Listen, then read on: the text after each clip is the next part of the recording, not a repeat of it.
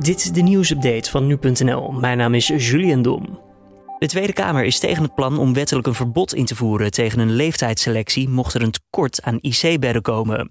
Een meerderheid was dinsdag juist voorstander van het vasthouden aan zo'n advies van medische en ethische deskundigen om wel op basis van onder meer leeftijd zo'n selectie te maken. Het vraagstuk komt steeds nadrukkelijker in beeld nu het aantal coronabesmettingen onverminderd groot blijft en de druk op de zorg nog steeds enorm is. De agent die in augustus in de Amerikaanse stad Kenosha de zwarte Amerikaan Jacob Blake zeven keer in zijn rug schoot, zal niet worden vervolgd. Ook andere betrokken agenten zijn vrijgepleit.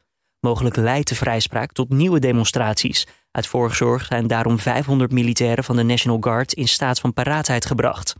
De politieagent schoot op Blake tijdens zijn arrestatie en Blake overleefde dat, maar is wel vanaf zijn middel verlamd geraakt.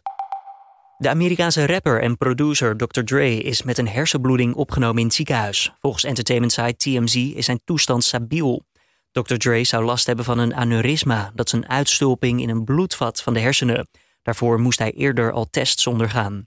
Dr. Dre is momenteel ook in een moeizame scheiding verwikkeld met zijn bijna ex-vrouw. De twee maakten in het voorjaar van 2020 bekend te zullen scheiden na 24 jaar huwelijk.